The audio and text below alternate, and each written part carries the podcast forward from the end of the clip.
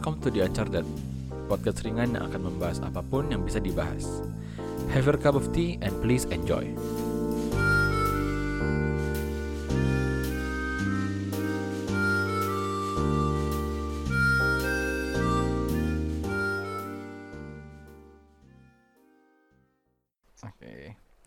Selamat malam, selamat datang di di Uncharted episode ke-7. Eh, bagaimana kabarnya kalian semua? Semoga tetap baik-baik aja walaupun di dunia ini, khususnya di Indonesia sedang nggak baik-baik aja karena kasus positif COVID-nya sudah tembus ke angka 4000 dan itu bukanlah eh 4000 per hari di mana itu bukanlah sesuatu yang bisa dibanggakan ya. Jadi emang kalau kalian gak ada kepentingan, mending tetap di rumah aja dan tidak keluar ke mana-mana kalau tidak ada perlunya. Sama seperti begadang, jangan begadang kalau nggak ada perlunya. Cia, oke lanjut.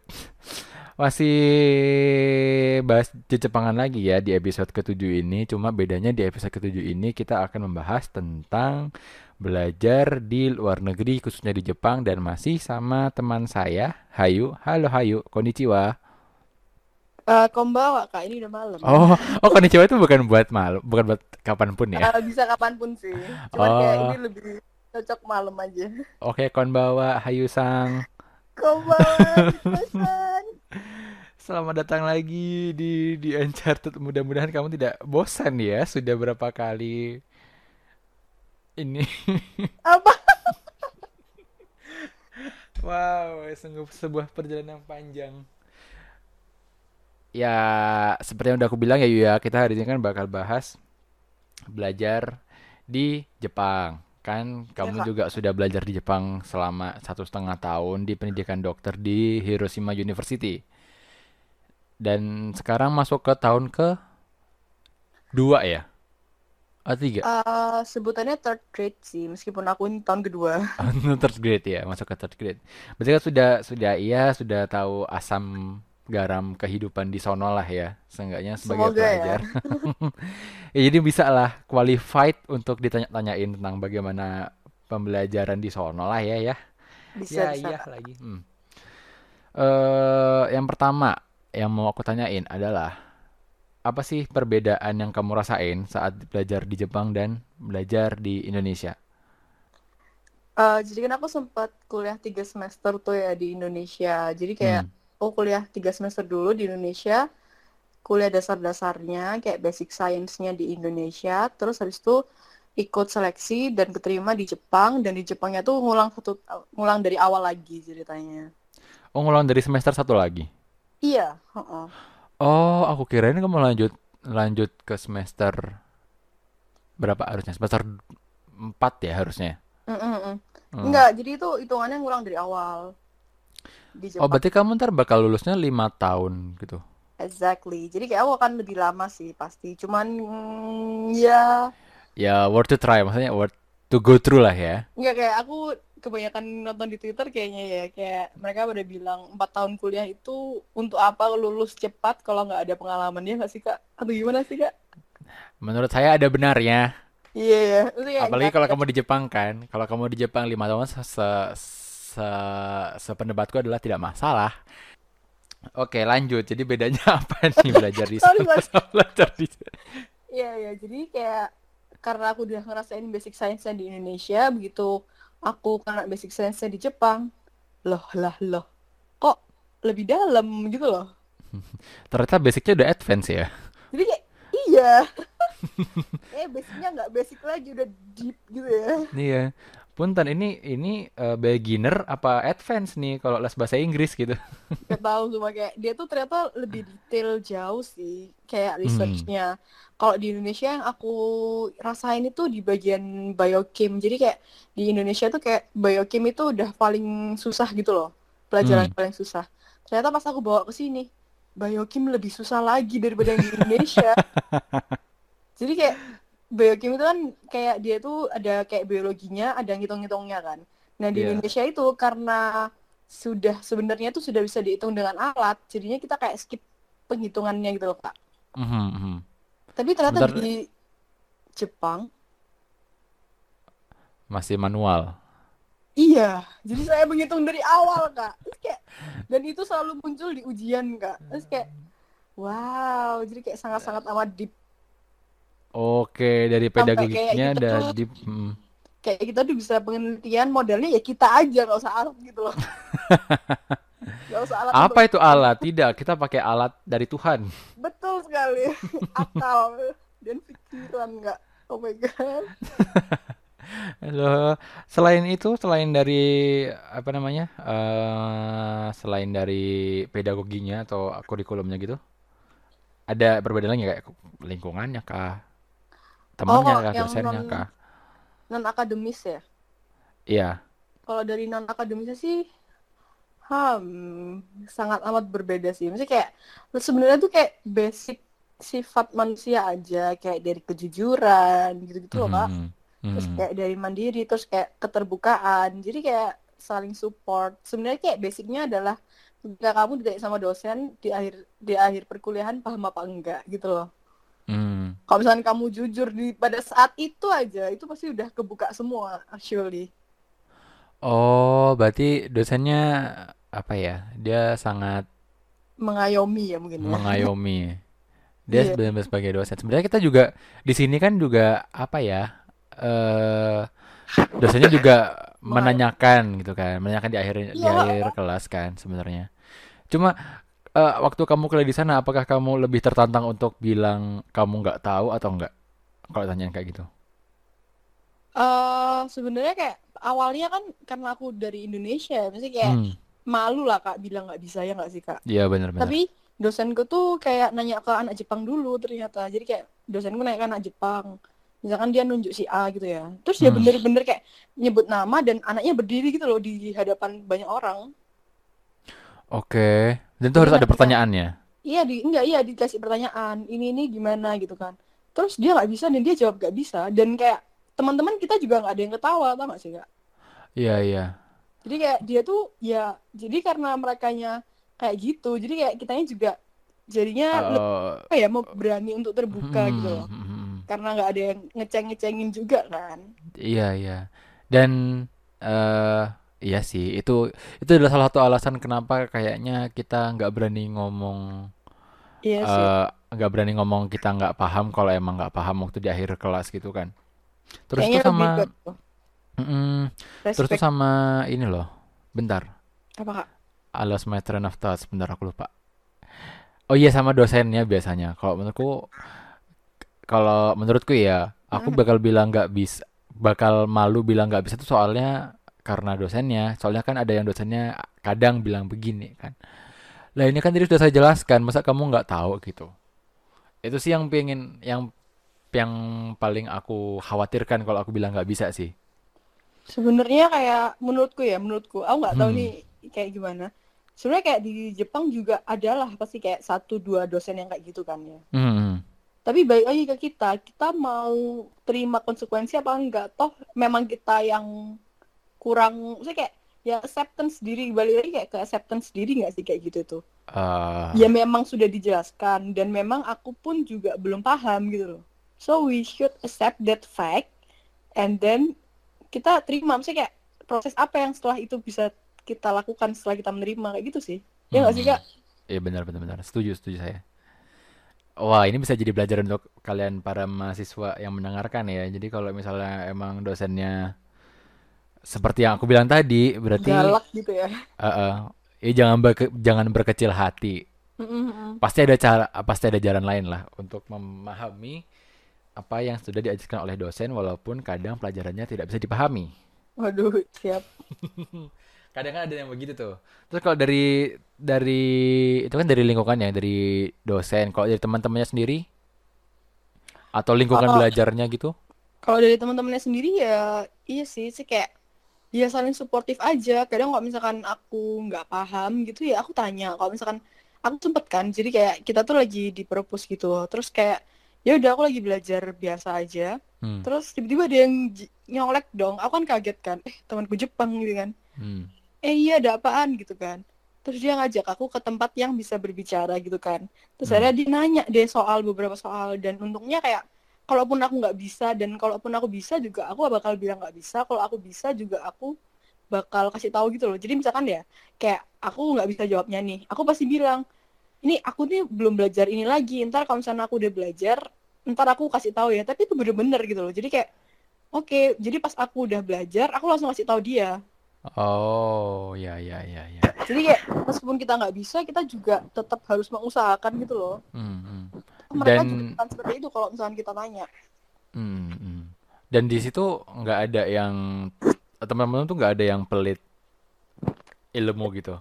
Maksudnya kayak nggak mau ngajarin kah, nggak mau bagi bagi ilmunya kah? Gitu. jarang sih kak. Bener-bener jarang. Soalnya kayak mereka tuh apa ya mungkin karena jujur juga ya maksudnya Hmm, jadi kalau misalnya nggak bisa ya bilang nggak bisa. Kalau misalnya bisa ya mereka bisa hmm, hmm. Dan mereka mau mau berbagi gitu, iya terbuka mau ngajarin juga kan. Hmm, Hmm, menarik. Itu sih eh, apa sih namanya? Tadi kan bilang sempat menyinggung perpus ya. iya kak Nah, itu adalah salah satu hal yang sangat aku irikan dari belajar di Jepang. Soalnya aku lihat di storymu beberapa kali itu kamu bisa meninggal barang di perpus, bahkan bisa ninggal laptop. Kamu tinggal ke asrama buat mandi dan Bener. gak hilang waktu balik ke perpus lagi tuh hebat sekali sih. iya Itu bahkan hebat impian. hari Udah makanya udah udah malam hari, terus laptop ditinggal dan kamu kamu bisa merasa tenang dengan laptop ditinggal itu adalah sebuah wow, sebuah privilege ya privilege itu ya, privilege itu ya. Iya sih aku ngerasain banget sih kayak di sana. Terus kayak karena kan sempat jadi kayak setiap ada setiap ada liburan kan aku mesti balik ke Indonesia kan kalau Hmm, ada uang dan ada waktu. Kan iya. balik ke Indonesia.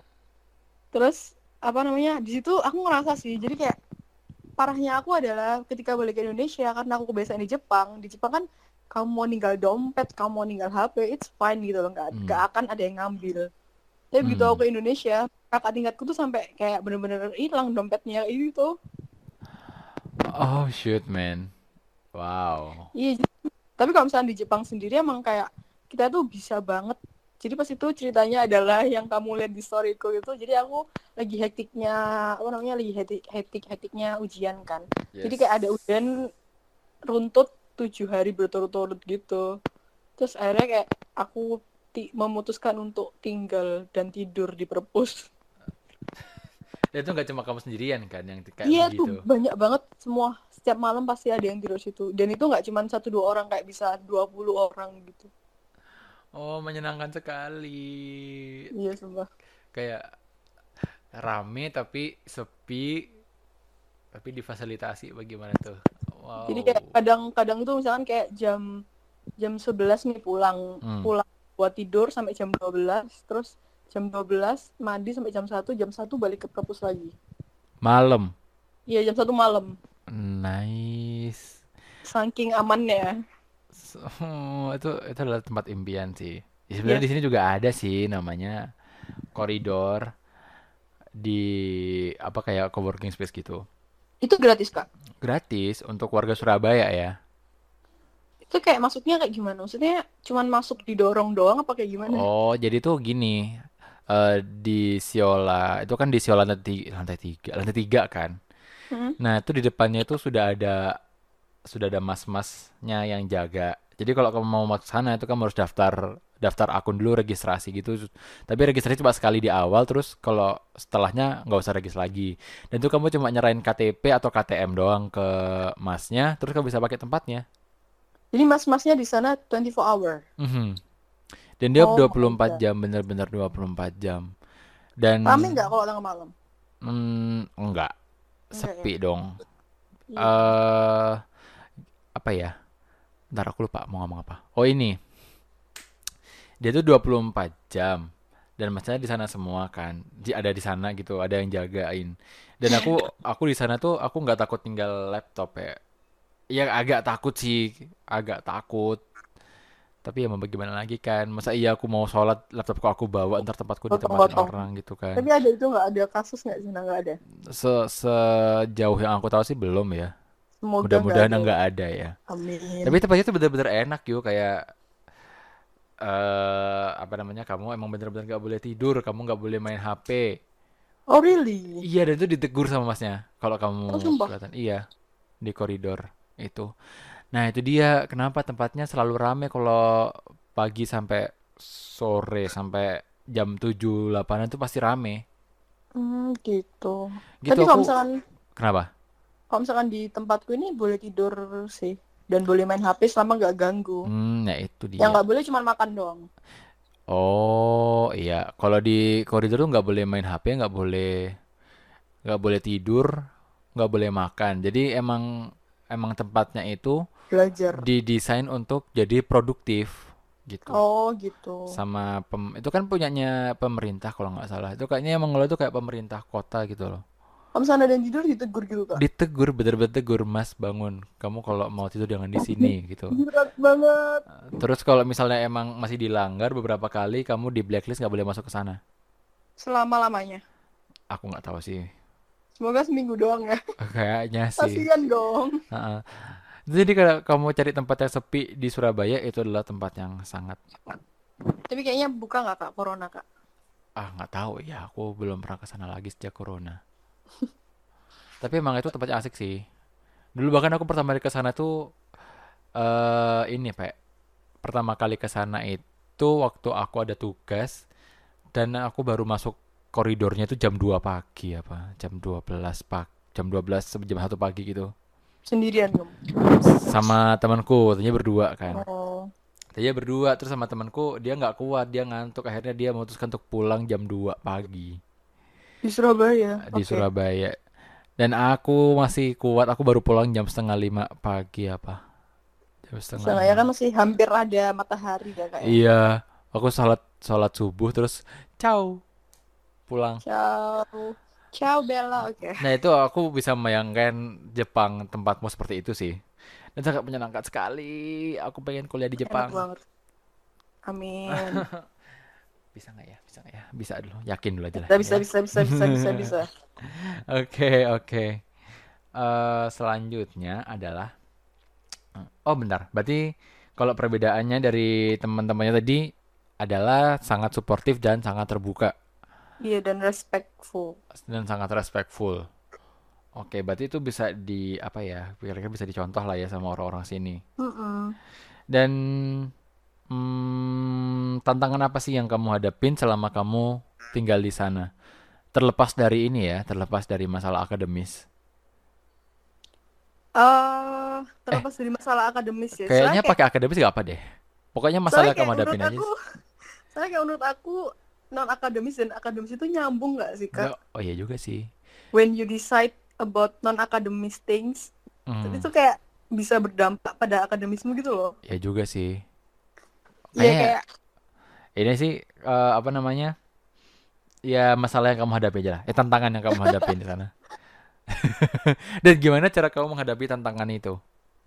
kayak eh, sebenarnya kan aku nih ke sini tuh kayak bener-bener pertama kali tinggal sendiri gitu loh. Hmm, Di Indonesia aku selalu tinggal bareng orang tua. Dan ini tuh bener-bener kayak apa ya, keluar dari zona nyaman gitu loh. asli lah dari SD sampai SM, dari TK Betul bahkan kan sampai SMA di Surabaya nggak pernah Sampai kuliah semester 3 di di Surabaya. Surabaya nggak pernah pindah kandang. Tapi ya terus kayak begitu ke sini kan bener-bener sendirian ya. Terus Hmm, kayak apa ya, begitu kamu tinggal sendirian tuh kamu nggak bisa cuma belajar doang gitu loh Kak. Kamu hmm. harus ngurus rumah, beres-beres kamar, terus kayak Ah, bergaul dengan orang lain juga kan juga harus seimbang kan semuanya. Di hmm. situ sih kayak kamu ditantang untuk benar-benar bikin prioritas kayak how to decide something important or not kayak gitu-gitu. Oke, oke. Berarti, Cara handle-nya adalah dengan mengetahui kapasitas diri ya mungkin ya. hmm, gimana tuh maksudnya? Jadi kayak kalau misalkan aku ini kan kayak bukan orang yang brilian, bukan yang satu kali bisa langsung tas tas tas gitu kan enggak Hmm, sih. hmm. Jadi kayak aku tuh yang tipe yang kayak harus ngulang lima kali, 10 kali, dan karena itu jadi kayak begitu kamu tahu kekuranganmu, ya accept dulu lah. Jadi kayak jangan menganggap itu sebuah apa ya aib atau Hmm. ketidakbisaan untuk berprogres gitu loh, Jangan atau din, menghambat gitu loh, tau gak sih? jangan deny pokoknya. Iya jangan kayak nyalain diri kamu sendiri ini gara-gara otakku kayak gimana gitu loh Hmm. terus kayak ya udah accept aja dulu oh iya memang aku butuhnya berkali pengulangan gitu kan Hmm. jadi karena aku butuh ini kan kan kalau misalkan aku kan di sini kan beasiswa ya jadi Hmm. mau nggak mau akademis itu harus yang pertama Oh iya, untuk mempertanggungjawab, mempertanggungjawabkan Iya, beasiswamu heeh. gitu kan. iya kan terus kayak ya udah kita tempatin dulu akademisnya aku butuh pengulangan lima kali kira-kira belajarnya per hari berapa setelah itu setelah belajar oke kita atur yang lain dulu kayak misalkan mau sosialisasi sama pelajar Indonesia yang lain setiap weekend keluar atau gimana jadi kayak sebenarnya apa ya dengan kamu tahu kapasitas diri itu everything you can handle actually Hmm, hmm. Oke, oke. Selain dari masalah itu, kayak masalah budayanya kah, atau masalah lingkungannya tuh, apakah kamu menemukan sebuah tantangan? Eh iya sih, jadi kayak karena sebenarnya sama sih Kak, kayak misalkan kita itu ketemu sama orang baru di Indonesia. Misalkan kamu di perku- perkumpulan gitu ya, terus Hmm. tiba-tiba ada orang baru masuk di perkumpulan itu. Nah, apa ya, kamu kan pasti nggak langsung, apa ya, kamu kan nggak langsung kayak, eh hai, ayo keluar yuk, kan saya nggak kayak gitu kan Hmm, langsung. hmm. Jadi kayak diem dulu, ngeliat dulu ini orangnya tipenya kayak gimana. Nah, aku sebagai orang yang baru dateng, aku harus menunjukkan aku ini orangnya seperti apa gitu loh. Hmm, Jadi kayak kalau di sini sih aku lebih make the first move ya. hmm. Jadi aku yang lebih kayak ngajak dulu sampai sampai aku tuh berubah dari introvert jadi extrovert. Wow, hebat. Hebat Jadi itu. kayak karena keluar dari zona nyaman Karena keluar dari sampai teman-temanku di Indonesia kaget tak sapa. Tumben kamu nyapa. Bener aku aku nyapa ya, aku nyapa temanku ya. Semua kayak dia kaget sampai noleh banget gitu loh. Padahal udah hai gitu doang, udah udah kayak gitu doang. Terus kayak dia kaget noleh. Atau "Kamu mungkin dia kaget, aku gitu. atau mungkin dia kaget gara-gara ketemu kamu. Udah lama lihat kamu soalnya lama di Jepang. Iya kayak kok kamu di sini? Kenapa kamu di sini? Tapi itu adalah apa ya? eh eh, coping mechanism yang bisa diterapkan ke orang-orang sini juga sih. Intinya sih kayak Iya. when you never try, you never know sih. Mhm. Hmm. Dan itu pastinya sangat cocok untuk me- me- mendapatkan koneksi-koneksi baru. Iya, heeh, heeh. Jadi kayak karena kamu tahu kamu butuh, I mean like bukan butuh kayak gimana ya. Ini kayak karena kamu memang butuh beradaptasi dengan mereka, ya Hmm. kamu harus bisa apa ya, fleksibel dan dinamis. Iya Makanya kayak benar-benar. sebenarnya tuh everybody change gitu loh, Hmm. sebenarnya. Dan it's not that wrong gitu. Iya. Hmm, benar benar benar. Terus selanjutnya yuk. eh, hal apa sih yang kamu pelajarin di Jepang yang seharusnya bisa diterapkan di pembelajaran di Indonesia ini? Kayak aku di Jepang kan ngelihat apa ya, everything based on the scientifically gitu loh. Hmm. hoax itu kita dengan sangat amat gampang buat kayak ini jurnal atau textbooknya mana. I mean so that easy gitu loh. Kalau misalkan mereka nggak dari jurnal atau textbook, semua orang nggak akan percaya. Exactly. Maksudnya kayak nggak ada yang percaya gitu loh. Hmm. Dan ini sih, maksudnya kayak karena mungkin karena di Indonesia juga belum apa ya, belum ramah penelitian, jadi mereka juga hoax itu lebih gampang kesebar lah, apalah gitu loh. Iya benar benar benar. Bak gampang banget kemakan hoax kita nih. Iya, padahal kayak membuktikan hoax apa enggak itu sebenarnya gampang aja ya kita baca aja dari mana sumbernya. Kalau bukan jurnal atau textbook, kalau nggak ada penelitian, kalau nggak ada penelitiannya ya jangan dipercaya gitu kan. Hmm. Maksudnya kayak nggak cuman scientifically aja ya, kayak misalkan sifat-sifat manusia yang kayak dunia psikologi kan juga ada jurnal dan textbooknya kan. Iya pasti pernah di ditelaah. Pasti pernah Iya, diteliti. maksudnya, heeh. Iya, pasti kan kayak gitu kan bisa diteliti, apa pasti ada penelitiannya. Hmm. ya udah kayak gitu sih jadi kayak menurutku di Indonesia itu yang bisa diambil dari Jepang ya ya itunya sih kayak apa ya semangat untuk researchnya sih Iya mungkin iya semangatnya benar benar. ada. Mungkin semangatnya ada cuman dananya nggak ada. Iya infrastrukturnya nggak memadai juga kadang-kadang. Pendanaannya nggak ada. Terus kayak aku ngeliat aku bener-bener sedih banget kayak begitu aku cari cari di internet sebenarnya dana research di Indonesia ini sejauh apa sih? Ternyata tuh sangat amat rendah dibandingkan negara Asia lainnya tau nggak sih? Oh, Kalau misalnya kita mau ngomongin sumber daya ya, ya ampun, LPDP lo nggak kurang-kurang Kak. iya sih. Ada berapa alumni Iya tiap tiap semester tiap pasti ada yang ngirim. dikirim Iya kan. kan? Mm-mm, tiap Terus tahun pasti ada yang dikirim. tiap ada yang dikirim pasti siap ada yang lolos kan. Terus Pasti. mereka ke mana? Iya kan? Dan lolosnya kan juga banyak yang ke universitas top dunia gitu kan, bukan universitas Iya, abal-abal. Harvard, Oxford, ini kayak kalau misalkan negara mau aja ngulangin apa ya biaya untuk mereka pasti kita bisa maju gitu loh. Apalagi kayak di era-era pandemi kayak gini tuh research sangat amat dibutuhkan sebenarnya. Iya. Dan aku yang perhatiin ya, nggak tahu sih. eh, ini kayak dari kacamataku doang. Mm-mm. sebenarnya tuh kita itu dari beberapa perguruan tinggi itu juga pasti ada researchnya kan. Iya, iya. Cuma kadang itu emang nggak didukung dari pemerintahnya loh. Oh iya. Ini kayak maksudnya, hmm, gimana ya? Aku kasih contoh apa ya kira-kira?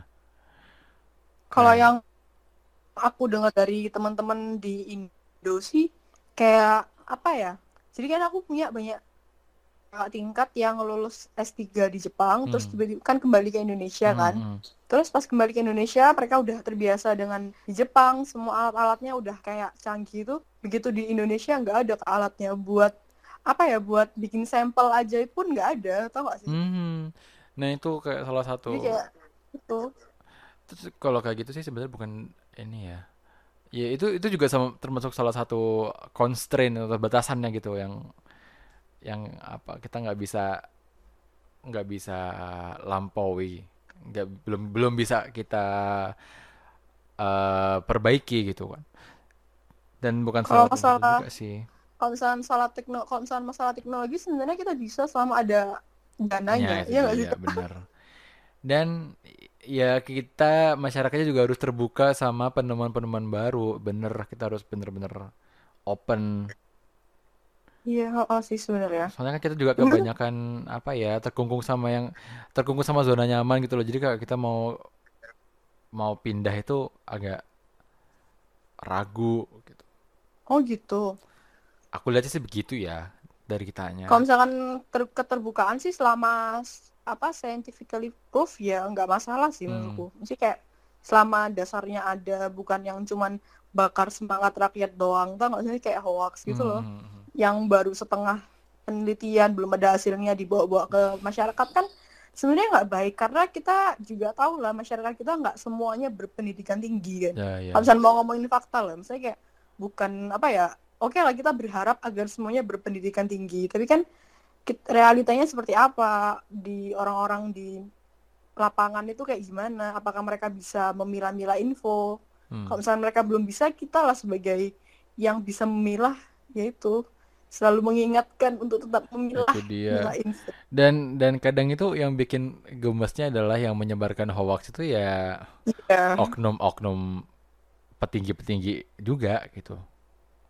waduh aku kayak aku nggak tahu ya mungkin karena aku udah terjun di kesehatan jadi kayak nggak bisa sih maksudnya kayak aku tuh apa ya kayak kalau misalnya dilihat dari pandemi ini ya Hmm. yang namanya politik sama kesehatan tuh bener-bener nggak bisa yang menyatu karena Iya, kita tuh bener. kalau misalnya dari orang kesehatan tuh mikirnya cuman gimana caranya pasien itu sehat jadi kit- semua hal kita lakuin gitu loh Dan itu harusnya jadi jadi jadi fokusnya kita sekarang adalah ke situ harusnya. It must be kan. Iya, tapi kan enggak. Iya sih. kalau misalnya kita lihat mereka masih ngomongin ekonomi ekonomi. Gimana ya aku kemarin lihat debatnya dokter sama ekonomi dokter udah ngasih berapa bulan coba buat oh, orang adaptasi soal ekonomi. Terus sekarang masih minta lagi masih kayak minta di apa ya dilonggarin longgarin terus gitu loh. Ya itu ya karena memang kesehatan sama politik sama ekonomi nggak bisa menyatu. Beda purpose aja emang kayak kita nggak bisa nggak bisa ngambil keuntungan apa pun dari orang yang sakit itu Iya juga sih. Benar benar benar benar. Kenapa kita gitu bahas COVID ya tiba-tiba? Karena ini sih? research Oh iya research kak research research. Oke. Ya itu tadi ya berarti hal yang yang bisa diterapkan di Indonesia adalah keterbukaan akan researchnya dan pendanaannya pendanaan semoga ya Pendanaannya juga dan semoga pemerintah bisa men- menambahkan lagi dana untuk researchnya. Amin. Dan sama ada beberapa hal tadi juga yang yang sempat kesebut tadi waktu aku tanya di be- beberapa pertanyaan sebelumnya kayak apa tadi tuh? Hmm, kayak lingkungannya, teman-teman yang suportif. Itu terus sama eh, eh, apa sih namanya tadi? Penerimaan diri yang acceptance, self acceptance tadi yang aku bilang tadi kan. Iya, Nah, sebenarnya yang eh, mau namanya juga sih yang self acceptance itu kayaknya eh, bisa malah harus diterapkan sama kita gitu. iya. oh, Dan oh, oh. apa ya kita juga harus tahu diri kita sendiri kan biar kita tahu batasan kita tuh kayak apa biar kita bisa memperbaiki batasan-batasan kita begitu. Itu juga Dengan mengetahui batasan tuh kayak lebih hidup itu lebih gampang gitu loh. Iya, benar. Kamu lebih tahu dirimu sendiri lah yang jelas tuh. Lebih tahu kita tuh harus usaha di titik mana agar sama-sama suksesnya sebenarnya ya nggak? Benar, benar sekali. Saya setuju. Oke, itu dia pertanyaan terakhir dari pertanyaanku. Sekarang Oke. Ya, kan jadi minggu lalu saya dan Hayu sudah memberikan question box di Instastory kita masing-masing. Nah, Yeay. saatnya kita membacakan pertanyaan-pertanyaan itu. Ini yang eh belum muncul. Oh, sudah muncul. Yang pertama datangnya dari teman aku namanya Atma. Tanya kalau di kalau di apa namanya? Kalau di Jepang, kamu kuliahnya Mm-mm. pakai bahasa apa? Bahasa Inggris. Bahasa Inggris tuh kayak maksudnya apakah kamu ada program yang bahasa Inggris dan ada program bahasa Jepang atau kamu emang satu universitas tuh yang berbahasa Inggris gitu? Jadi kelas kita tuh bilingual bahasa Jepang sama bahasa Inggris. Jadi dosennya ngobrol dua bahasa. Oh, berarti mereka habis jelasin bahasa Inggris, habis jelasin bahasa Jepang gitu? Betul, makanya kayak mereka tuh udah sabar approved lah, tau gak sih?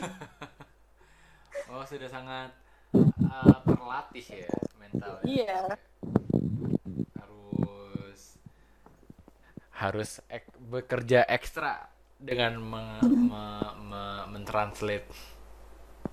Dan tapi kalau misalnya kalau misalnya bahasa bahasa Inggrisnya nggak bagus-bagus amat masih bisa nyantol kan? Soalnya kan maksudnya siapa yang siapa yang nggak bagus-bagus amat nih bahasa Inggrisnya? anggap aja kitanya. Kalau misalnya kitanya bahasa Inggrisnya nggak bagus-bagus amat, selama kamu paham bahasa Jepang bisa nyantol.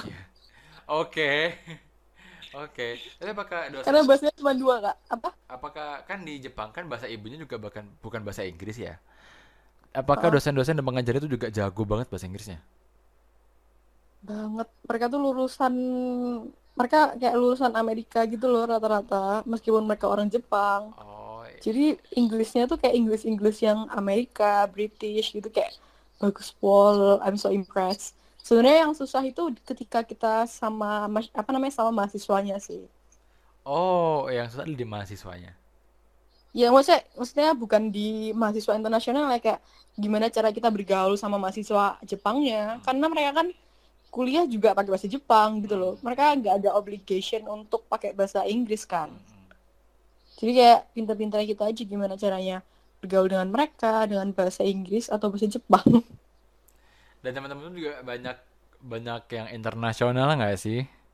Maksudnya nggak cuma dari nggak cuma dari satu negara doang gitu teman-temanmu. Iya iya temanku ada Oh, yang lihat. dari Vietnam, Kamboja, sama Indonesia. Oh iya. heeh. Hmm. Terus pertanyaan selanjutnya adalah eh, kenapa milih Jepang? Kenapa milih Jepang? Karena adanya program di Jepang. Jadi itu bener nggak ada, maksudnya nggak ada yang spesifikasi. Pokoknya aku harus ke Jepang gitu ya. Eh sebenarnya kayak dari kecil pengen kuliah di luar negeri kan, tapi yang ngimpi-ngimpi doang karena nggak ada biayanya kak. Hmm. Terus akhirnya ada Jepang, kali kayak ditawarin sama dekan nama-nama rekomendasi gitu yang bisa apply beasiswa. Akhirnya kita lihat, terus kayak aku ngeliat Jepang kayak gimana dari cara mereka ngargain waktu, Hmm. kayak dari mereka janjian, terus kayak dari apa namanya kayak budayanya dan dari keamanannya sih kayaknya aku udah jatuh cinta banget semenjak itu. Jadi kayak bukan yang dari lama jatuh cinta, tau gak sih kak? Iya. Jadi kayak accidentally love. Bukan yang love at the first sight ya, bukan. gimana ya? Iya, bukan love at Eh, first bukan sight, bukan kan? bukan bukan bukan. So, kamu juga udah tahu Aku- Jepang sudah lama, cuma belum belum pernah mendalami. Iya kayak pada saat itu aku baru nyari-nyari gitu. nyari-nyari bener, jangan nyari-nyari bener. Terus kayak aku ngerasa kayak apa ya mereka gimana cara hidupnya mereka tuh kayak cocok di aku gitu loh dan aku ngerasa kayak aku akan bisa tinggal lama di ini di negara ini karena kan buat kuliah kalau misalkan nggak kalau nggak nyaman gimana kak empat tahun Aduh, stres banget kalau nggak nyaman. parah banget dari kayak jauh dari dari rumah gitu itu. kan, terus tidak nyaman. Ya, assalamualaikum. iya dan dan kalau misalkan kalian tahu nggak semua negara luar negeri itu aman loh Iya, benar. Aku juga mendengar dan di beberapa artikel bilang gitu. iya temanku di Jerman aja nggak bisa yang kayak pulang malam gitu sih Bahkan Jerman ya. Iya, kayak kalau sendirian lo ya. Kalau di Jepang tuh kamu mau sendirian pun ya nggak masalah. Selama bukan daerah-daerah rawan ya. Maksudnya kayak bukan gang-gang sempit yang bener-bener kayak gelap banget gitu loh. Iya, iya, bukan kayak gang aku bisa bilang gangnya Nobita nggak sih? Gangnya Nobita gang sempit nggak Iya, sih? benar-benar benar Aku bayangin gang Jepang kayak gitu soal. Bener-bener. Oke, oke. Eh, BTW itu eh, di Hiroshima. Kamu di Hiroshima kan? Iya, Apakah di Hiroshima se eh, serame di Tokyo? Enggak, pasti enggak nggak sih? nggak nggak nggak nggak seramai di Tokyo, cuman karena mereka itu Hiroshima kan apa ya kota turis kan, jadi kayak kota turis itu pertama kan Tokyo, kedua kan Kyoto, terus ketiga Osaka, terus Hiroshima kan. Terus baru Nagasaki. Lah karena Hiroshima itu kota turis, jadi warga-warganya tuh jadi pada biasa gitu loh sama Turis. sama orang-orang asing. Oh, berarti bisa Iya. dibilang kayak Bali gitu kali ya? Iya nggak nggak se nggak seanu Bali sih. Bali kayak itu kan buat di Kyoto deh. Oke, oke. Eh, tapi apakah dia Hiroshima tuh kayak City Never Sleeps kayak Tokyo gitu? Soalnya kalau aku lihat Tokyo, dia kayak nggak pernah sepi nggak sih? Oh enggak enggak enggak. Iya cuma Tokyo doang sih yang never sleep. Parah sih. Ya kan aku lihat kayaknya eh, pasti rame terus deh kalau Tokyo. Rame sih dia. Terus kayak malam juga masih semua nyala sih. Hmm, kalau situ Kalau di Hiroshima ini cuma beberapa yang bener-bener kayak buka 24 hour aja yang buka. Jadi kayak nggak nggak semua toko gitu loh. hmm, Kalau misalnya Tokyo kan kayak mereka kan satu shop apa ya shopping area itu kayak langsung tetap buka gitu 24 terus jam ya. Iya, heeh. Kalau di Hiroshima masih tutup, cuman kayak yang kayak Indomaret, Indomaret, 7-Eleven Kayak Lawson. gitu. Weh, aku tadi lihat videomu soalnya. Lawson. Jangan lupa nonton vlog aku ya. Oke, oke. Masih aku tadi penasaran banget soalnya apakah semua sem- semua kota besar di Jepang itu seperti Tokyo atau tidak? Tapi ternyata tidak. Oh, Sama aja kayak Jakarta sama Surabaya. iya sih bener. Surabaya, eh Jakarta tuh kalau malam relatif lebih rame daripada Surabaya. Iya, maksudnya kan Surabaya kan ada slip-slipnya dikit kan. Iya, ada selesai dikit malam sepi tau. Iya kan creep-creep gitu. Iya. Oke, oke. Terus eh yang yang bedain cara belajar pelajar Jepang dan Indo menurut Hayu apa?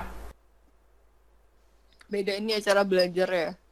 Kalau misalkan di Indo, aku tuh jujur ya, aku tuh anaknya masih bisa SKS. Jangan ditiru ya Iya. temen. Jadi kayak kalau ngerjain tugas itu hamin berapa baru mulai gitu kan. Tapi karena di Jepang ini apa ya? Selain lebih deep, dia juga aku kan hidupnya nggak cuma belajar aja. Misalnya kayak aku harus ngurusin banyak hal. Jadi harus lebih menata sih. Jadi kayak aku lebih Iya benar, cuman kos-kosannya jauh dan kayak kalau misalnya kamu nggak bisa membereskan sendiri, ini nggak ada tukang, juga nggak ada GoFood ya kayak. Gimana mau manggil tukang ya coba? Ya Allah. Nah ya kayak, aduh, ya kita harus bisa semua sendiri. Jadi kayak, ya itu aja sih. Dengan kamu tahu mana yang harus dikerjain duluan, jadi nggak SKS gitu, aman sih. Oke, itu yang bedain cara belajar cara belajar di Jepang sama Indo ya. Kalau orang sana pasti di eh teman-temanmu khususnya tidak SKS gitu ya. Iya betul betul. Jadi kayak kita itu tipenya yang apa ya pada saat waktunya belajar itu kita nggak ada yang kayak liburan gitu Hmm, loh, tau hmm. nggak sih maksudnya? Kalau misalnya Indo tuh aku masih bisa lah Sabtu Minggu keluar kota ya Iya, benar. sih? Setuju. Atau Sabtu dulu nonton drakor gitu nggak bisa aku. Iya sih. Jadi kayak aku orang-orang sini tuh mikirnya kayak pas lagi waktunya belajar ya belajar terus. Soalnya kalau misalnya kamu apa ya kalau misalnya it- belajarmu keganggu itu akan ganggu liburanmu gitu. Hmm, iya soalnya kan kalau misalnya kamu tidak belajar terus kamu harus ngambil semester pendek kan bakal nganggu liburanmu Betul kan betul ya. betul. Oh, oh, oh. Jadi ya kayak apa namanya rencana rencana liburan yang sudah direncanakan tidak terjadi kan susah di kita juga Hmm. sebenarnya. Agar liburan itu benar-benar jadi reward setelah Bener kamu bener kuliah bener. gitu kan. Oke, oke. Bener banget teman-temanku tuh pada kayak bilang aku harus lulus kuliah ini kalau misalnya aku mau pergi ke mana gitu-gitu. Oke, oke. Oke, next. Ini nih eh, pertanyaan seputar belajar di Jepang sih kayaknya udah habis. Sekarang aku kayaknya bawa bacain yang pertanyaan-pertanyaan eh, pertanyaan-pertanyaan di luar tuh nggak apa kali ya? Ya boleh lah. Hmm. Terus yang kedua, yang kedua lagi selanjutnya adalah makanan favorit Hayu di Jepang apa? Makanan favorit aku ramen chicken ramen. Chicken ramen. Belum menemukan di Indonesia yang mirip. Oke, berarti oriental, orisinil, original. Original, iya betul. Ada sih satu di Jakarta tapi Honolulu Ramen itu enak banget rasanya mirip banget karena emang itu cabangnya. Cabang dari Jepang asli Betul kak, betul. dibawa ke sini. Pantesan sampai dibelain nggak tuh ke Jakarta cuma buat makan ramen. Serius aku beneran. Nggak apa-apa lah ya, yang penting hati senang. Iya. Oke. Oh iya nih, ada yang nanya lagi nih, bagaimana cara mendapatkan cowok Jepang? Wih. Ah, Um, bagaimana cara mendapatkan arasi-arasi yang ada di Jepang? opa, eh bukan Bukan, beda dong, beda dong. bukan. Uh, senpai, Senpai, senpai. senpai. Hmm, jadi kayak cowok-cowok Jepang itu pemalu ya. Jadi aku kan pernah ya, ya Oh, pernah deketin cowok Jepang? kali. Satu dua kali Iya. gitu kan. Terus kayak mereka tuh yang tip apa ya beda banget sama Indonesia kak. Jadi kan kalau misalnya Jepang itu cowoknya pemalu, jadi kita harus bikin first move dong. Hmm. Jadi kayak ceweknya yang harus kayak, hey aku, eh aku suka film ini nonton yuk kayak gitu loh, tau gak sih? Mulai PDKT-nya gitu lah. Iya agresif banget harus ceweknya yang agresif bahkan sampai di tahap kayak ceweknya harus sampai bener-bener tahu bahwa cowoknya tuh tahu kalau misalkan dia suka. Oh, oke. Oke, listen to all the aggressive girls out there. Kayaknya cara kamu cocok untuk menggait orang Jepang. Betul, betul. Terus kayak terus kayak aku kan apa ya kebiasaan sama cowok Indo jadi kayak Malu-malu. um, ya males lah kak gimana sih kak masa harus Iya, saya kayak, yang ngajak Ih, masa aku nonton chat duluan kan gak enak gitu ya, kan. Ya enggak cuman bukan apa ya bukan patriarki apa apa ya cuman kayak apa namanya bener-bener aku nggak kuatnya adalah di tahap yang kita harus bilang kalau misalnya kita suka duluan nggak Iya. Terus kayak bingung banget. Wow, ternyata beneran ya. Aku kira cuma di komik-komik doang kayak begitu. enggak enggak mereka tuh sini cowoknya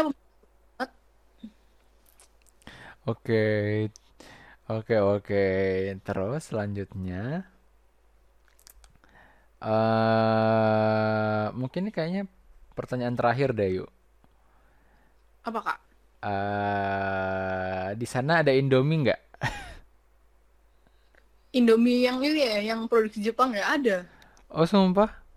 Jadi dia benar-benar produksi Jepang, bukan bukan barang impor. enggak jadi kayak aku nemu di toko apa ya di toko oleh-oleh ya kok toko oleh-oleh ya Punten ini oleh-oleh Indonesia dibawa ke Jepang jadi Oleh-oleh. oleh-oleh Jepang lagi nih. Bagaimana nih? Tapi rasanya beda kak So, oh, soalnya mungkin udah menyesuaikan lidah orang Jepang juga kali ya. iya kayak enggak itu enggak enggak terlalu umami gitu Nggak terlalu micin. betul Wah, itu yang sangat disayangkan padahal itu adalah poinnya dari Indomie adalah micin. nah itu kayak makanya kan kayak gongnya nggak nggak dapet kan ya dapet. Terus apa faedahmu makan Indomie kalau nggak ada micinnya kan? ini kayak itu kesehatan gitu ya Ya, tidak. Orang Jepang mikirnya tidak ada micin, yang penting kita harus sehat. Padahal kamu tau gak, di sini ada Ajinomoto. Iya, makanya ada Ajinomotonya. Kita produksi. Ada Ajinomoto padahal produksinya di sana. Tapi yang terkenal Iya. di sini. Jualnya di Bener-bener ada orang-orang Jepang nih. Oke, oke. Oke, Hayu. Eh, bentar. Berarti Oh iya, berarti udah selesai. Oke, terima kasih Hayu sudah mau diajak berbicara. Terus semoga Iya. podcast ini bisa jadi apa ya? Bisa jadi sebuah insight untuk teman-teman yang mau belajar di Jepang. Mungkin kalau sekarang masih belum bisa ya, soalnya kan emang masih di masih di blok masih di blok istilahnya ya. Jadi kalau mau ke Jepang harus Oh. ada visanya dulu nggak sih? Oh iya. Jadi mungkin kalau mau belajar sekarang nggak bisa, cuma mungkin dipersiapin aja nggak apa-apa untuk tahun depan karena juga udah udah ada apa ya? Ya ada pendaftaran. Untuk tahun depan tuh sudah mu- buat sudah mulai dibuka pendaftarannya gitu. Dan mudah-mudahan betul. tahun depan juga sudah ini ya su- sudah Membaik membaik. lah ya. Jadi sudah bisa ke sana begitu. Amin. Apa disiapin aja. Semoga ini bisa jadi insight buat kalian kalau mau belajar di Jepang. Kalian tahu bagaimana orang bagaimana cara orang-orang sana belajar, bagaimana sedikit lingkungannya. Soalnya mungkin eh, masih masih banyak yang bisa diulik sebenarnya. Oke, terima kasih Hayu. Semoga kita masih bisa ketemu lagi. Amin. Thank you. Terima kasih teman-teman sudah mendengarkan podcast ini. Mudah-mudahan mendengarkan. Sampai ketemu di episode selanjutnya. Selamat malam, selamat pagi, selamat siang, selamat sore.